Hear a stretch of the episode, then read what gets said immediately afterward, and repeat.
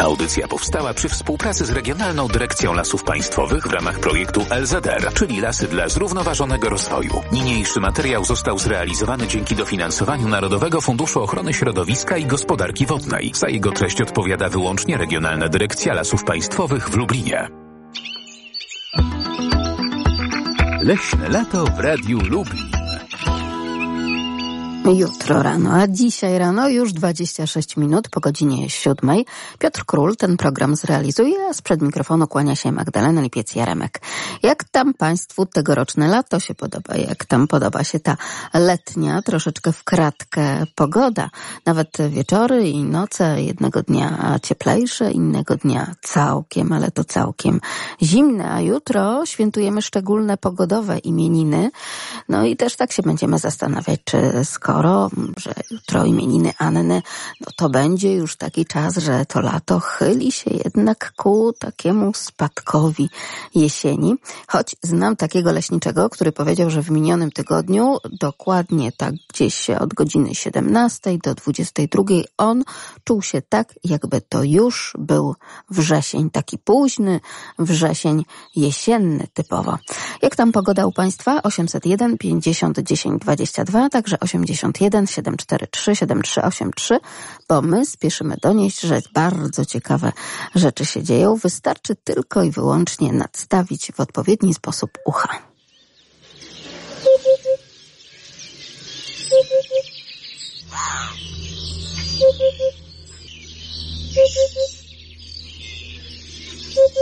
Nie zakukała nam kukułka, ale ktoś zupełnie inny taki oto efekt przyrodniczo-dźwiękowy ma w swojej naturze. Kto to taki? lasmałparadio.lublin.pl Jesteśmy na terenie Nadleśnictwa Kraśnik. Tym razem rozmawiamy z panem Piotrem Krasnowskim e, właśnie z Leśnictwa Wolski Bór. Coś się wydarzyło, tak. E, może w takiej kwestii ornitologicznej, która jest mi, jest mi bardzo bliska. Często widziałem pojedyncze osobniki, czasami w parze, ale do tej pory nie udało mi się znaleźć jego gniazda i jego gniazdowania. Dodam tylko, że, że to jest dziuplak. On, on składa jaja i lęgnie się w dziuplach, a sam dziupli nie wykuwa, bo ma za delikatny dziób, to jest ptak owadożerny. Korzysta z y, dziupli dzięcioła i najczęściej właśnie dzięcioła czarnego, ponieważ jest sporym ptakiem. I w tym roku udało mi się wykryć taką dziuplę i wykryć takie gniazdo. Obserwowałem ich kilkanaście razy karmiących e, pisklęta. Dziupla była dosyć głęboka, więc tylko słychać było piszczenie młodych. Natomiast udało mi się trafić e, na moment, kiedy opuszczały dziuple. Było cztery pisklęta i w tej chwili było to jakieś kilka, no, tydzień temu, i one w momencie opuszczenia dziupli y, bardzo często siadają na najbliższych gałązkach, bo one nie potrafią jeszcze zbyt dobrze latać i dalej są karmione e, przez rodziców, natomiast ich wielkość jest taka, że nie mogą się w dziuple pomieścić. Dlatego wychodzą na zewnątrz i już tak na zewnątrz na gałązkach siedzą, przelatując e, po kilka, kilkanaście metrów. I tak robią tut, tut, tut Tut, tut, tut. Kto tak robi? E, czyj to głos i o kim dzisiaj będziemy mówić na sam początek naszego leśnego wędrowania? 801 50 10 22, także 81 743 7383. Bardzo ciekawy, bardzo charakterystyczny odgłos, a ptak też i ciekawy i charakterystyczny. A dzisiaj, pan Stanisław do nas pisze, imieniny obchodzą święty Jakub i Krzysztof. Przysłowie ludowe związane z pogodą głosi. Święty Jakub zwykle z pogodą się głosi, a nieraz ulewą wody rzek podnosi. W Puławach od 1871 roku istnieje instytut, e, w którym Zakład Agrometeorologii posiada zapisy pomiarów z tego okresu, które były odbiegające od średnich wieloletnich. Ja twierdzę, podkreśla pan Stanisław Spuław, że opady w maju mają decydujący wpływ na wydajność plonów rolnictwa i leśnych zadrzewień. W 150-letniej serii pomiarów meteorologicznych w Puławach w maju były bardzo ciekawe rekordy. W roku 2014 majowy opad wynosił 195,5 litra na metr kwadratowy i ustanowił nowy majowy rekord, który wynosił 170 litrów na metr kwadratowy z 1897 roku.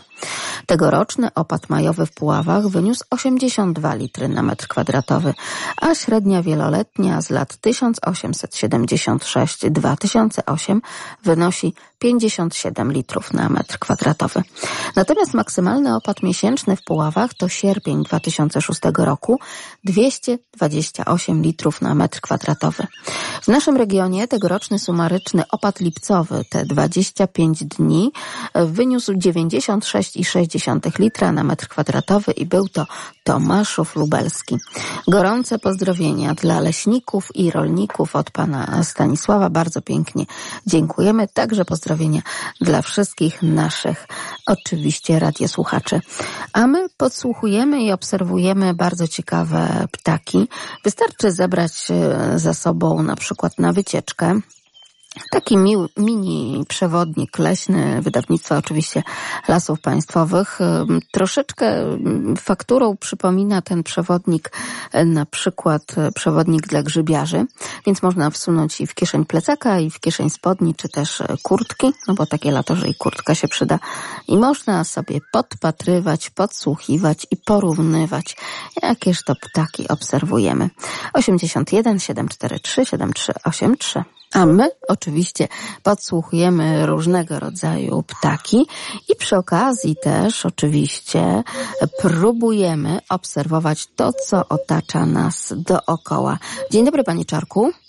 Dzień dobry. Witam pana serdecznie. No to proszę powiedzieć, jakież to obserwacje pan ostatnio poczynił?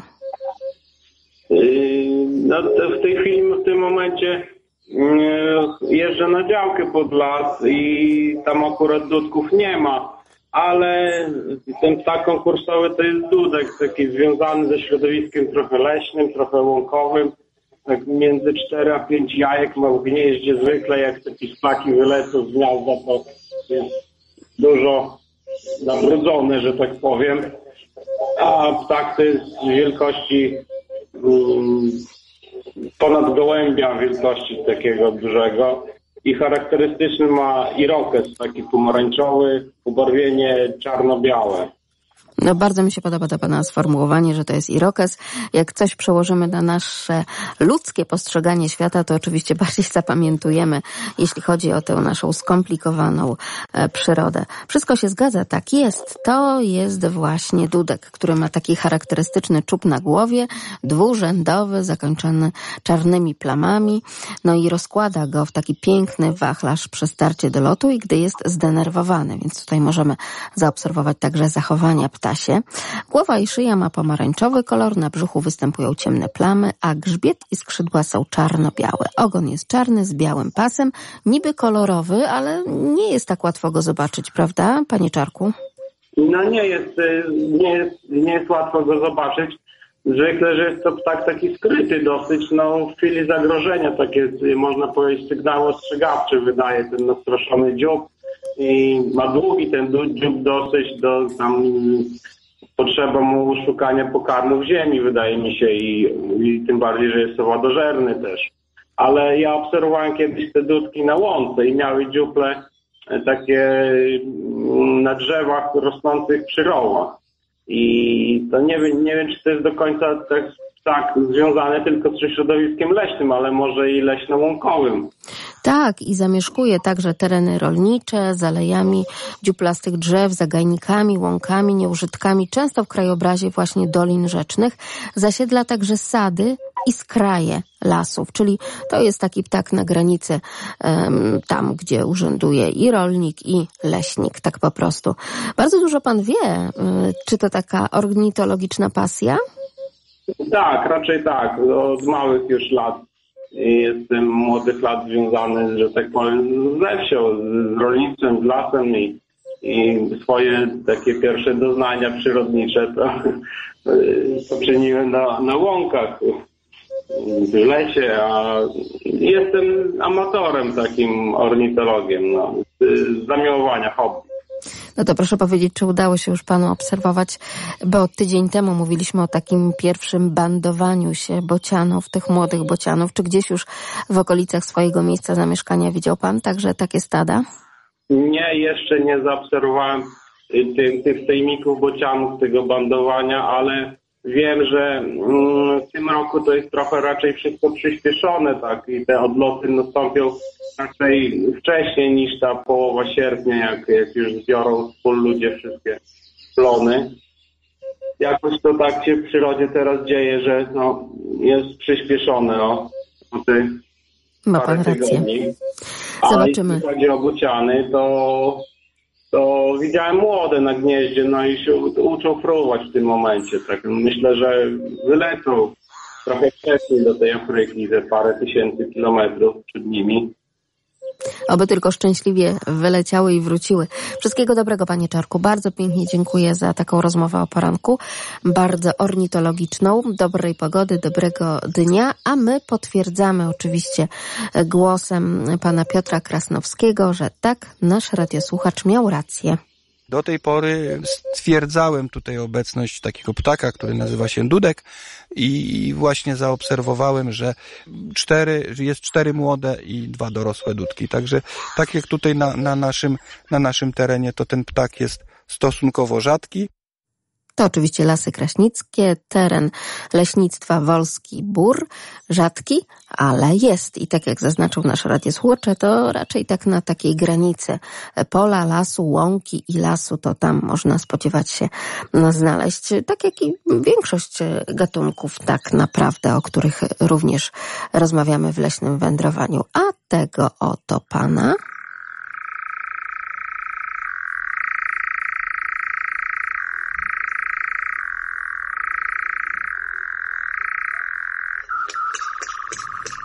Bardzo ciekawy, bardzo charakterystyczny efekt.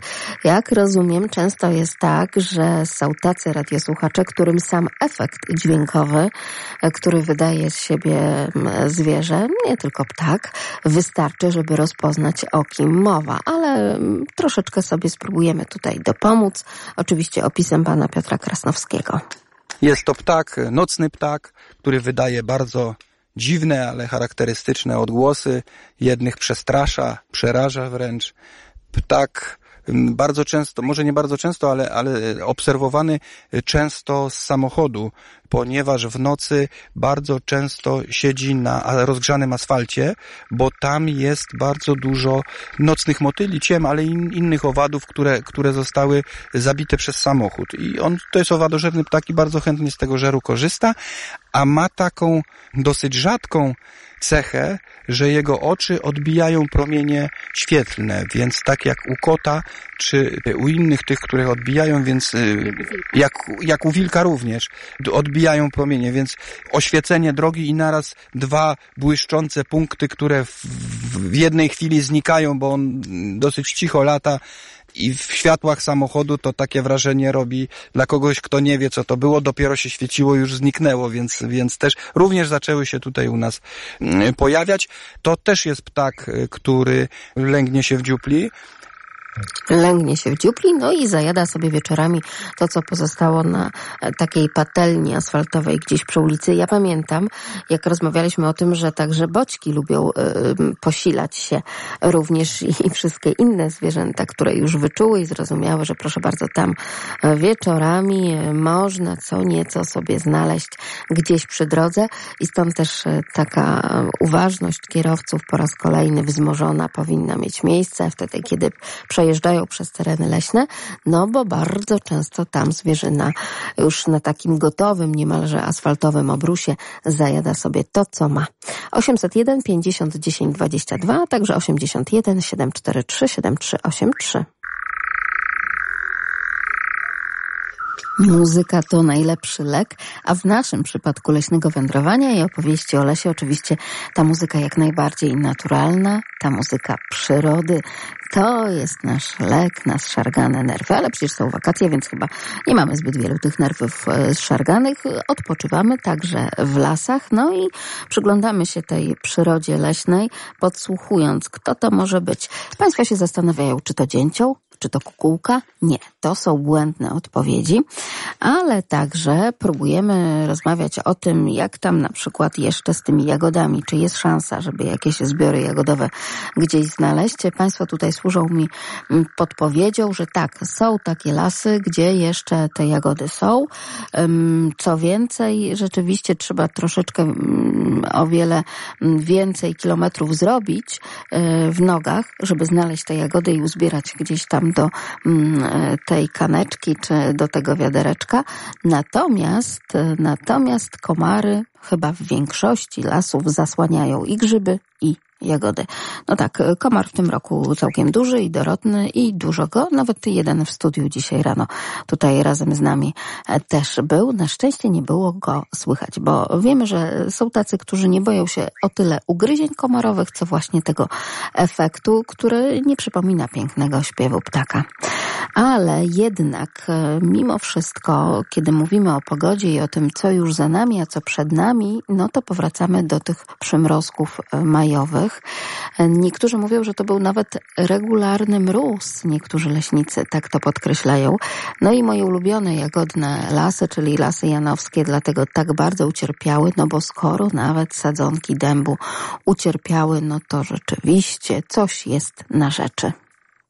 Przemarzły. Pierwszy, pierwszy przyrost dęba nam przemarzł, aż się zwinęły. Tak, tak. Było minus 7, minus 8 przygruntowo, bo mamy szkółkę, to wiemy jaka temperatura była. I rano już o 6 byłem w lesie, było koło zera, a na szkółce było minus 7, także no, każdy sobie potrafi wyobrazić, jaki to wpływ na rośliny rozwijające. Rozwinięte już dęby, wszystkie listki obmarzły, czarne, zwiesiły się. Każdy by pomyślał, matko, straciliśmy. Nie, to tak nie jest, natura jest odporniejsza. One za chwilę, minie dwa tygodnie, nowe się rozwijają. Chodzi o to, że proces wzrostu, ten pierwszy przyrost, już go nie będzie, tak. Już go nie będzie, ale dąb, dąb rozwija się w cyklach trzech, przy niesprzyjających warunkach jest ich tylko dwa, ale przyrosty świętojańskie też dają odpowiednią ilość przyrostu i także rosną do góry. I trzymamy kciuki, że jednak się obronią, ale tak jak Państwo słyszeli, no jednak tego pierwszego wiosennego przyrostu nie będzie. A co będzie dalej? Ważne, że, że dąb rośnie w trzech cyklach. W maju, później koniec maja, czerwiec, później w lipcu i jeszcze w sierpniu potrafi przyrosnąć. Urośnie pierwszego razu 30%, później 60% wysokości i później jeszcze tam 30% i w sumie to da jakieś tam 100% tego roku. Jak są odpowiednie warunki, to potrafi też przy odpowiedniej glebie blisko metra urosnąć. U nas takich gleb jest mało, takich fragmentów na tyle żyznych, że te dęby tak rosną, ale w sprzyjających warunkach, w osłonie bocznej, nawet sosna jest bardzo dobrą osłoną boczną dla dębu, e, nie wycina się jej i ona tak jakby go pcha, prosi, żeby rósł do góry, to takie jest powiedzenie, żeby musi rosnąć bez czapki w kożuchu. No i tak właśnie prowadzimy, że tym kożuchem jest sosna, a czapki nie ma, bo jest pęd główny odsłonięty.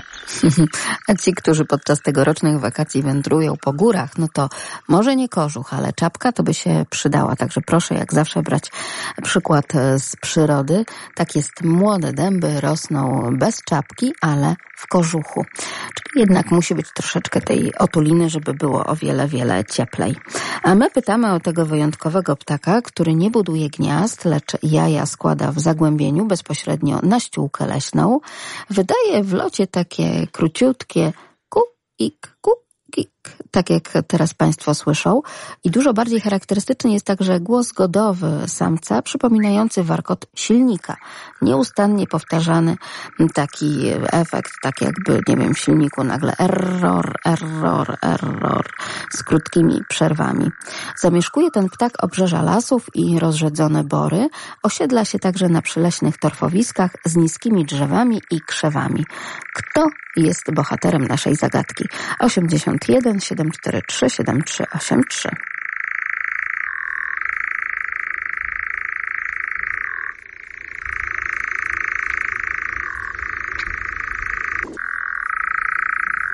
wsłuchujemy się i naprawdę myślimy bardzo ciepło o wszystkich skrzydlatych z wyjątkowym dziobem, bo to do tego dzioba trafiają innymi komary. A jeśli chodzi o tego naszego szczególnego bohatera, no to akurat ten bohater z łatwością chwyta owady w locie dzięki niezwykle szerokiej jamie dziobowej i obecności takich szczecinek czuciowych wokół niej. To wygląda tak, jakby miał opierzony po prostu dziób. Ten charakterystyczny wianuszek włosków ułatwia tym ptakom łowienie pokarmu w ciemnościach. I tego się trzymajmy, życząc smacznego na śniadanie, takie nasze prawidłowe ludzkie. Drodzy Państwo, usłyszymy się tuż po serwisie informacyjnym po godzinie ósmej. Audycja powstała przy współpracy z Regionalną Dyrekcją Lasów Państwowych w ramach projektu LZR, czyli Lasy dla Zrównoważonego Rozwoju. Niniejszy materiał został zrealizowany dzięki dofinansowaniu Narodowego Funduszu Ochrony Środowiska i Gospodarki Wodnej. Za jego treść odpowiada wyłącznie Regionalna Dyrekcja Lasów Państwowych w Lublinie.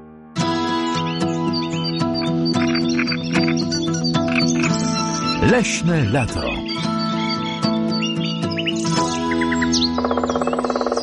A w leśnym, letnim wędrowaniu rozmawiamy jak zawsze o pogodzie i o przyrodzie. I takie sztandarowe hasło, pytanie, które kieruję zazwyczaj do ludzi lasu. A czy miał pan, pani ostatnio jakieś spotkanie z dziką zwierzyną w lesie?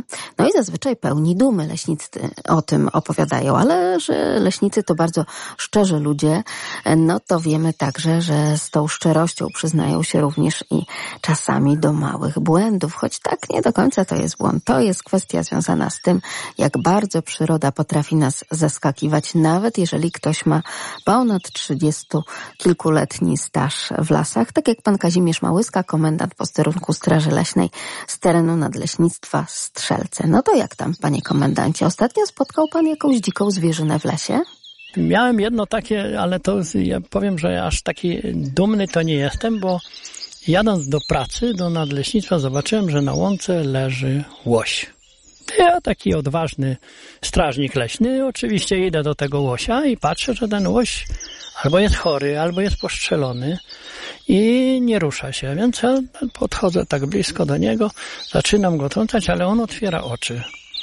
Więc y, patrzy na mnie i myślę sobie, y, prawdopodobnie pewnie został gdzieś może przez kłusownika postrzelony. Oglądam ze wszystkich stron, nic nie widzę. Dzwonię do znajomego myśliwego i mówię, ty słuchaj, jest tutaj na łące leży taki byk, yy, łoś i przyjedź, zobacz, mówię, bo coś tu jest nie tak. Może, może trzeba będzie y, szukać jakiejś pomocy.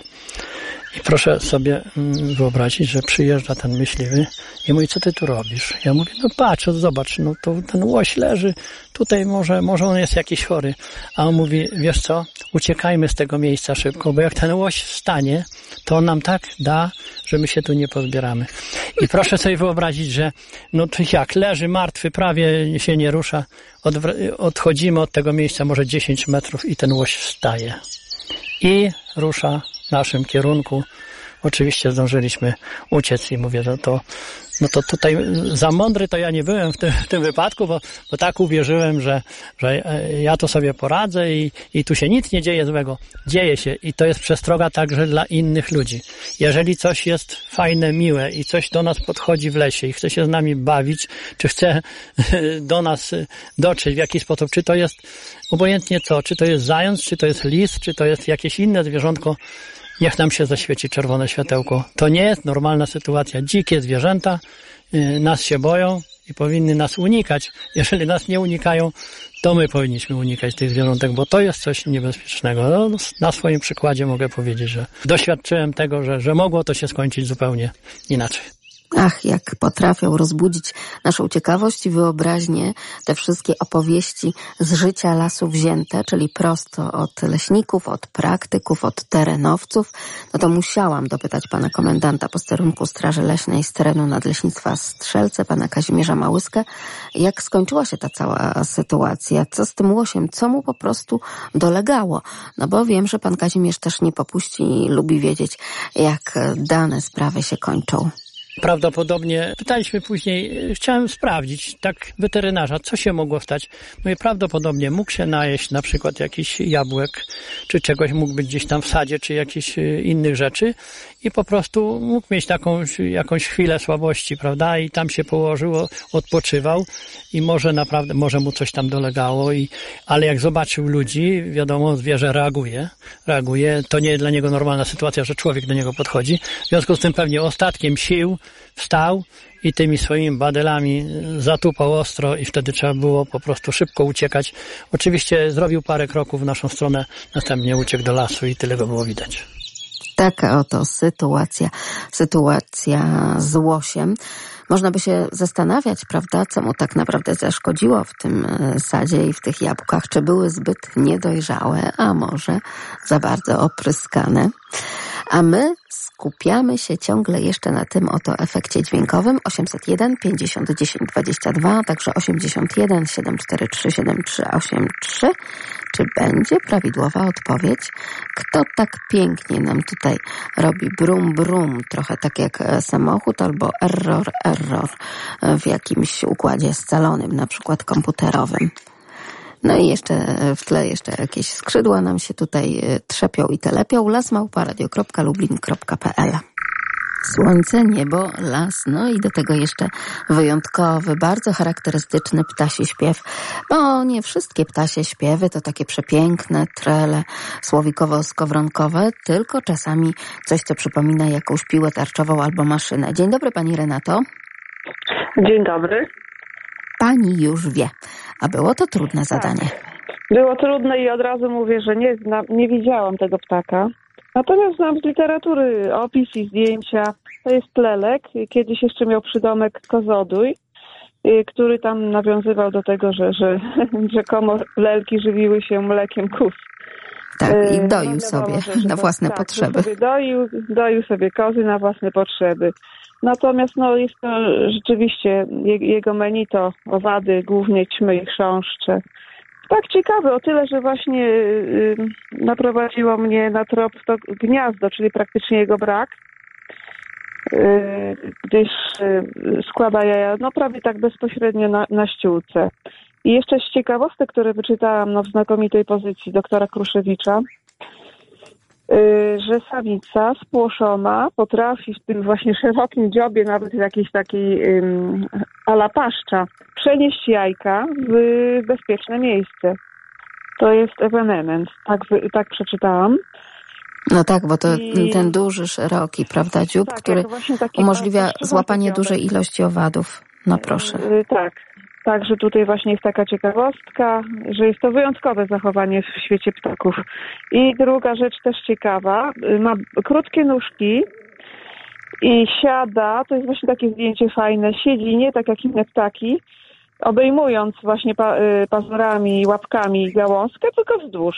Siada sobie wzdłuż gałązki, no i wtedy już w ogóle jest nieuchwytny, bo doskonale się zlewa z otoczeniem. Tak, ma bardzo maskujące upierzenie. Trudno Tak, go zobaczyć. Właśnie. Tak, bardzo ma normalnie jak komandos gdzieś tam takie. to jest taki ciekawy, ciekawy ptak, aczkolwiek mówię, że no niestety znam tylko z literatury. Już Tak, po tak, urlopie, pani. Renato? Po wakacjach? Yy, tak, częściowo tak. Yy, odwiedziliśmy morze. Jest takie tereny, no mm, piękne, lesiste, ale też parkowe. No i trochę Kaszuby. Pojeździliśmy po Kaszubach.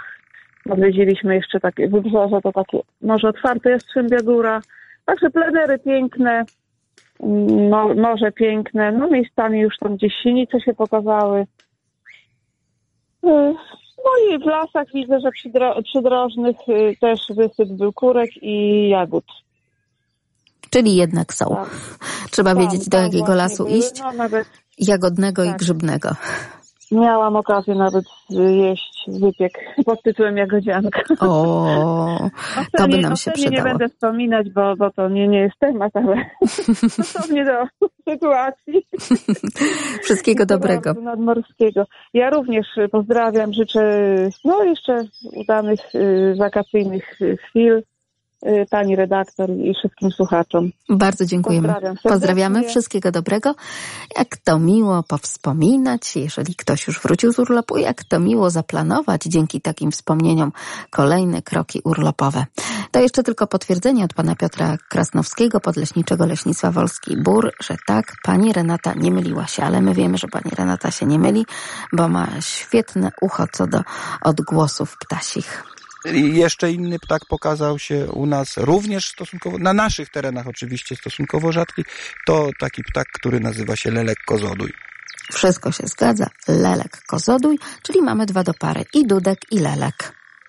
A pojawienie się tych ptaków świadczy o tym, że to, co robimy w lasach, a więc y, pozostawianie tych y, części, fragmentów z tego starego lasu, starych drzewostanów y, do naturalnego rozpadu, powoduje to, że jest coraz więcej dzięciołów a dzięcioły robią coraz więcej dziupli, a jak więcej dziupli pojawiają nam się te dziuplaki, które same nie mogą z tego same nie mogą sobie zrobić tej dziupli, więc, więc wydaje się, że pozostawienie tego typu tego typu fragmentów lasów, te, tak, tak zwanych biogrup, czyli fragmentów lasów do naturalnego rozpadu jest jak najbardziej korzystne, myślę, że nie tylko dla, dla fauny, ale również dla całego lasu. Lelek i Dudek, Dudek i Lelek, taka oto para nam się sparowała ptasia. E, ważne obserwacje, które czyni też zapalony ornitolog, ale przede wszystkim oczywiście leśnik z leśnictwa Wolski Bór, pan Piotr Krasnowski. Powiem tak, no na razie, na razie jest intensywne odchowywanie piskląt. Wiele gatunków e, przystąpiło do drugich lęgów. E, lęgi udane w tym roku, bez przymrozków, bez, bez zimna.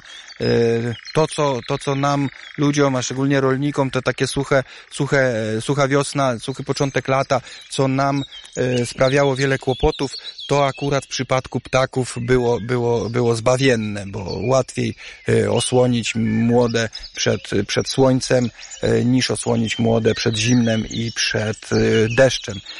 Dlatego lęgi, lęgi są udane E, nasze, nasze leśne kuraki Również tutaj obserwowałem parę, parę bażantów, które e, o dziwo zamieszkają w lesie, może nie tak całkiem głęboko w lesie, ale, ale prawie, prawie 300-400 metrów e, w lesie sobie spacerują. To również odchowały 11 młodych, także jest to spory lęk jak na bażanta i, i do, tej pory, do tej pory sobie spacerowały bardzo bezpiecznie, więc myślę, myślę, że ptaków nam w tym roku przybędzie, bo tak jak powiedziałem, ta wiosna była korzystna.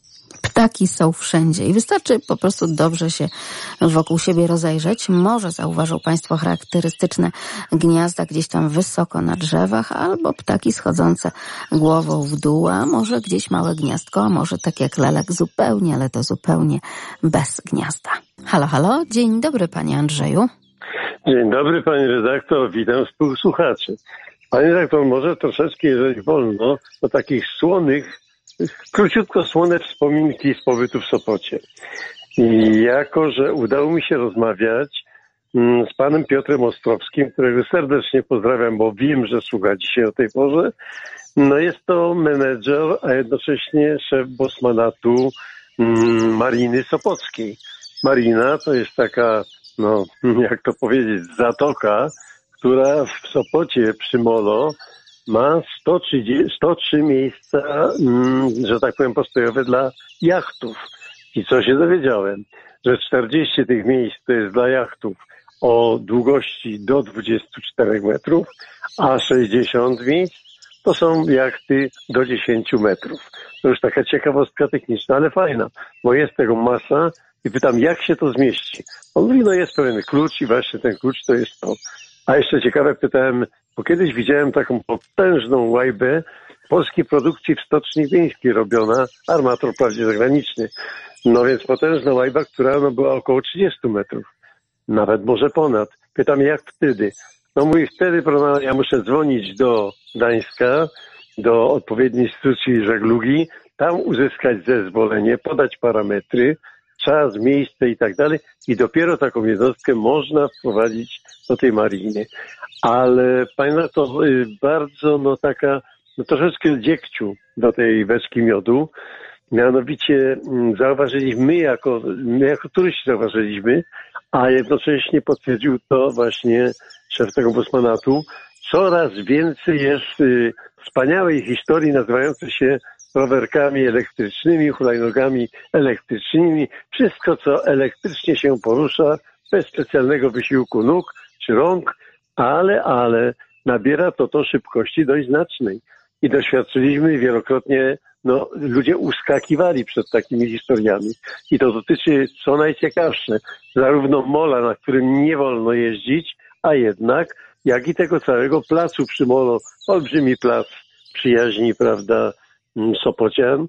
No więc, y, no, no śmigają ci ludzie, ale, ale, ci co chodzą, ma, małe dzieci prowadzą, wózeczki prowadzą, no to z tego śmigania nie byli zachwyceni na pewno. Dlatego takie, powiedzmy, obserwacje z bieżącej.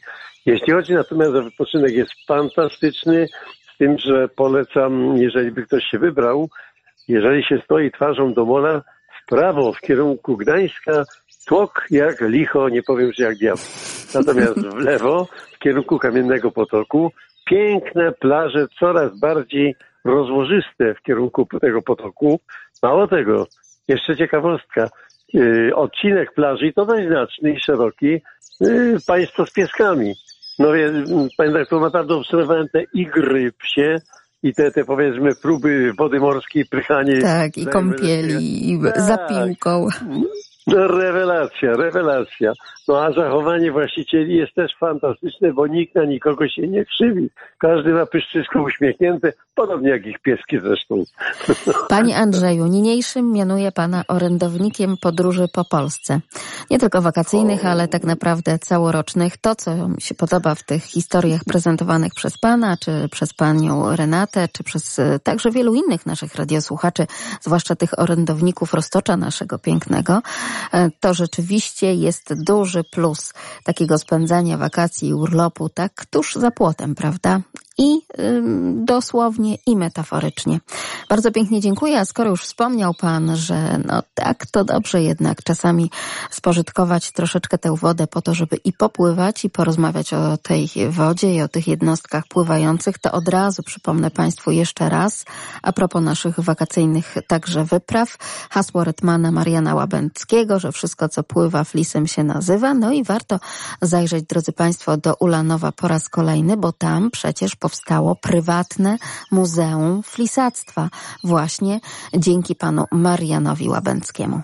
Postarałem się, żeby miał takie własne, własną, może nie, nie, to nazwa muzeum to, to widło mnie, ale to wiele pamiątek, zarówno z czasu obecnego, z każdej przygody przywożę jakieś, e, gdziekolwiek bym nie był na, e, na świecie, przywożę jakąś pamiątkę, jeżeli pływam, jak również z poprzednich lat, mówię, no, jest dużo prac, e, a ponieważ są prace, to, to, to z archiwów mam pościągane materiały, kserokopie, no, szalenie dużo zdjęć. E, no, oprócz tego e, żona otwarza te tradycyjne potrawy flisackie i nasze życie e, koncentruje się cały czas wokół flisowania. Na przykład najbardziej znanym jest chleb flisacki, który ma to do siebie, że ma sobie skwarki, bo flisacy potrzebowali takiego produktu, który miałby dwie główne właściwości. Jedne długo utrzymywał się w warunkach takich jak na wodzie, i był pożywny, więc on ma w sobie skwarki. Jesteśmy jedynymi producentami, producentami tego chleba w Polsce, oczywiście w warunkach domowych, czyli nie mamy piekarni, to jest okazjonalnie robione, a oprócz tego są jeszcze chrupaczki, to też jest taka potrawa pisacka, to są to rodzaj mazurka, przepis y, z przełomu XIX-XX stulecia, które nam się udało tam, żonie udało się odtworzyć. Ponadto jeszcze parę innych, innych mniej znanych, y, mniej znanych, a jednocześnie bardzo pożywnych. Królskie orelskie i jeszcze wiele innych rzeczy, które spożywali pisacy, którzy żywili się na ogół nie razem, tylko każdy z osobna, więc wiadomo, co było wtedy możliwe ze sobą wziąć, to zabrali i, i tak sobie flisowali. To był ciężki i bardzo trudny zawód, niemniej jednak dawało poczucie wolności. Wracając do poprzedniego pytania, właśnie na wodzie czuję się wolnym.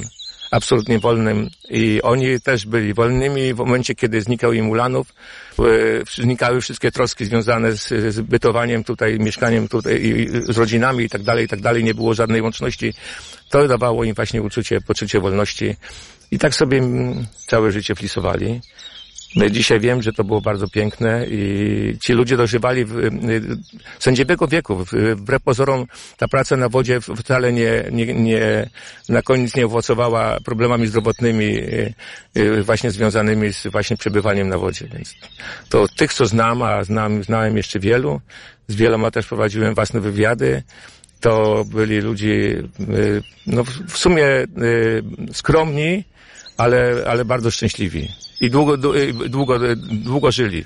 Tak powiem, o tak, długo żyli, to jest istotne. I byli bardzo sympatyczni. No. Tak jak i pan Marian Łabęcki, Retman z Ulanowa, Flisak oczywiście zapalony. Proszę nie zapominać o tym, żeby gdzieś w tych wędrówkach leśnych także i być może san się pojawił. No i przede wszystkim las, tak jak wielu z tych flisaków czuło się wolnymi na wodzie, tak być może wielu leśników czuje się wolnymi w lesie. My też się tacy tam czujemy, no i spoglądamy nie tylko na to, co wysoko, gdzieś tam w gałęziach drzew i co słychać w śpiewie ptaków, ale także i pod nogi. W lesie są rude duże. Rude duże, ale takie, wiem, czy takie duże, no w stosunku do nas to małe, ale w stosunku do innych z tego gatunku to tak, to duże. To są, można powiedzieć, gospodarka komunalna środowiska leśnego, bo one oczyszczają tutaj runo z różnych rzeczy organicznych. Kto to może być? Kto jest taką gospodarką komunalną w lesie? 801 50 10 22 to pytanie zadaje Państwu komendant posterunku Straży Leśnej z terenu Nadleśnictwa Włodawa, pan Włodzimierz Czerzyk. Nie jest to lis, nie jest to także wiewiórka. O kim mowa tym razem? Potrafią dużego żuka pokroić na części karmią tym larwy, no i oczywiście królową mrówki rudnicze, te mrówki, które są bardzo znane wszystkim i z edukacji leśnej, i z filmów przyrodniczych, to są, można powiedzieć, gospodarka komunalna środowiska leśnego, bo one oczyszczają tutaj runo z różnych rzeczy organicznych. Potrafią dużego żuka pokroić na części i przynieść do mrowiska a przynoszą do mrowiska nie dlatego, że są same takie łakome te robotnice, tylko muszą wychować nowe pokolenie mrówek, czyli karmią tym larwy, no i oczywiście królową.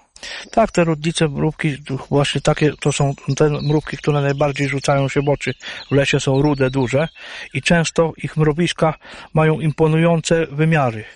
Nawet ponad metr wysokości jest ten kopiec nad ziemią, ale generalnie całe miasto mrówek, no bo to już nie jest, można powiedzieć, dom, tylko to całe miasto, arterie.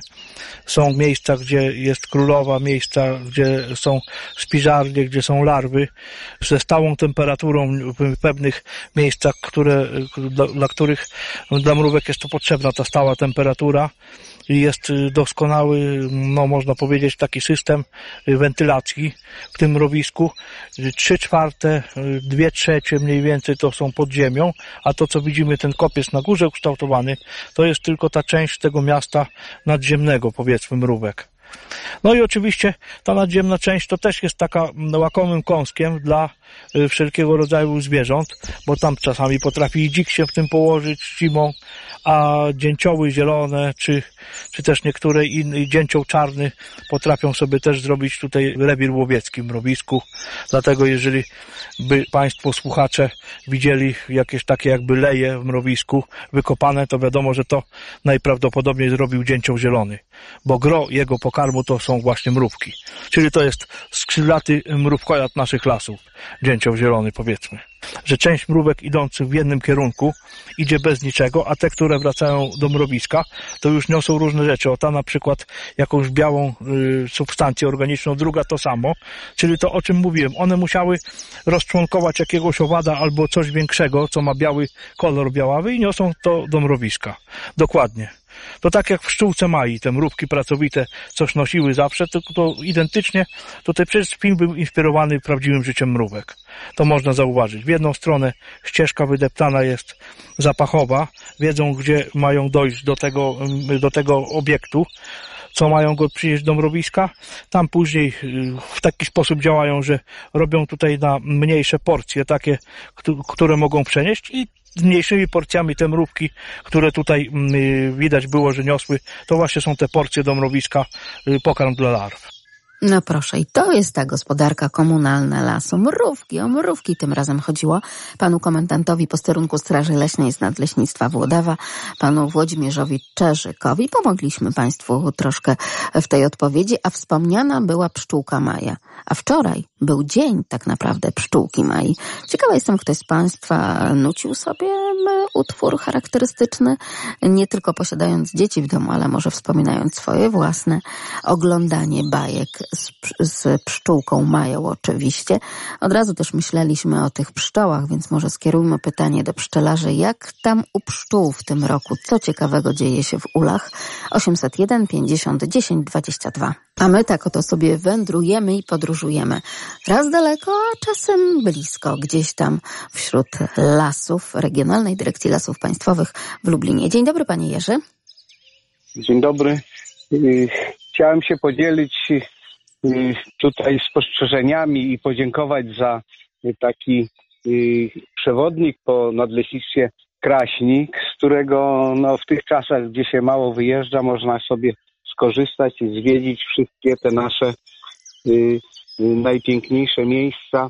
A że jesteśmy na granicy powiatu zamojskiego, Krasnystach i Kraśnik, to wszędzie tu Poniatowa, Opole, y, Zwierzyniec, czy y, inne, czy, czy jeszcze tam Krasnobród. No, bardzo ładnie w tym przewodniku jest wszystko opisane, piękne zdjęcia. I właśnie to było prowokacją, żeby y, odwiedzić te miejsca. Niektóre są bardzo ładne, niektóre są bardzo zaniedbane, niektóre takie na uboczu i nieuczęszczane, ale warto to na to spojrzeć i, i no, chciałem, cała moja, dzieci moje korzystają właśnie z tego, że no, niedaleko jest, a nikt o tym nie wiedział i poza pięknymi obrazami, zdjęciami i różnymi jeszcze y, zdjęciami drzew i runa i kwiatów, to jednak przyrodniczo i turystycznie można to wykorzystać. Za to dziękuję. Bardzo się cieszę, że się przydały nagrody od Regionalnej Dyrekcji Lasów Państwowych w Lublinie. Te piękne albumy wydawnictwa Lasów Państwowych trafiają do Państwa. To takie swoiste rzeczywiście przewodniki, ale i wskazówki, że w lesie warto przyjrzeć się tak od ogółu aż do szczegółu. Była ruda mrówka, a teraz będzie zupełnie inna. Tu się toczy życie, bo widać tutaj czarne mrówki, nie są to mrówki ludnicze i one mają w takim bardzo ciekawym miejscu mrowisko, ponieważ tutaj mm, jest taka, leśnicy mówią zabitka, czyli takie miejsce z odartą korą, zarastające na boki, tworzące taką gładką strukturę. I pod tą gładką strukturą prawdopodobnie znajduje się, można powiedzieć, taka dziupla, czy elementy takie, gdzie jest zgnilizna i jest rozkład drewna, tworzący takie kieszenie. I w ty, właśnie w tej dziupli, w tych kieszeniach tworzonych przez zgniliznę, mrówki zbudowały sobie mrowisko na wysokości około, zaczyna się od wysokości około 70 centymetrów od ziemi, no i na wysokości wzroku widać, że jest tutaj główne wejście do tego mrowiska. I mnóstwo jest czarnych mrówek, troszeczkę mniejszych od rudnicy. Niestety tego gatunku nie znam, a na pewno nie jest to największa mrówka występująca w naszych lasach gmachówka. To jestem pewien tego na 100%. Jak te mrówki są, to jest przynajmniej trzy razy większa od tych, bo jest większa nawet od mrówki rudnicy, tej mrówki, którą wszyscy znają z naszych lasów, z edukacji leśnej, z wycieczek z dziadkami i z babciami, a także z audycji Leśne Wędrowanie, bo dzisiaj też komendant posterunku Straży Leśnej z terenu Nadleśnictwa Włodawa, pan Włodzimierz Czerzyk, jeszcze nam przypominał te zachowania mrówek i gmachówki, i rudnicy, no i tej czarnej, którą myślę, że do kolejnego spotkania z Państwem już rozpoznamy i oznaczymy gatunkowo. Magdalena Lipiec-Jaremek, dziękuję za dziś, kłaniam się. Do usłyszenia.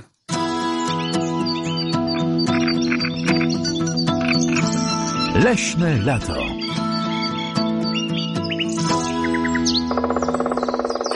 Audycja powstała przy współpracy z Regionalną Dyrekcją Lasów Państwowych w ramach projektu LZR, czyli Lasy dla Zrównoważonego Rozwoju. Niniejszy materiał został zrealizowany dzięki dofinansowaniu Narodowego Funduszu Ochrony Środowiska i Gospodarki Wodnej. Za jego treść odpowiada wyłącznie Regionalna Dyrekcja Lasów Państwowych w Lublinie.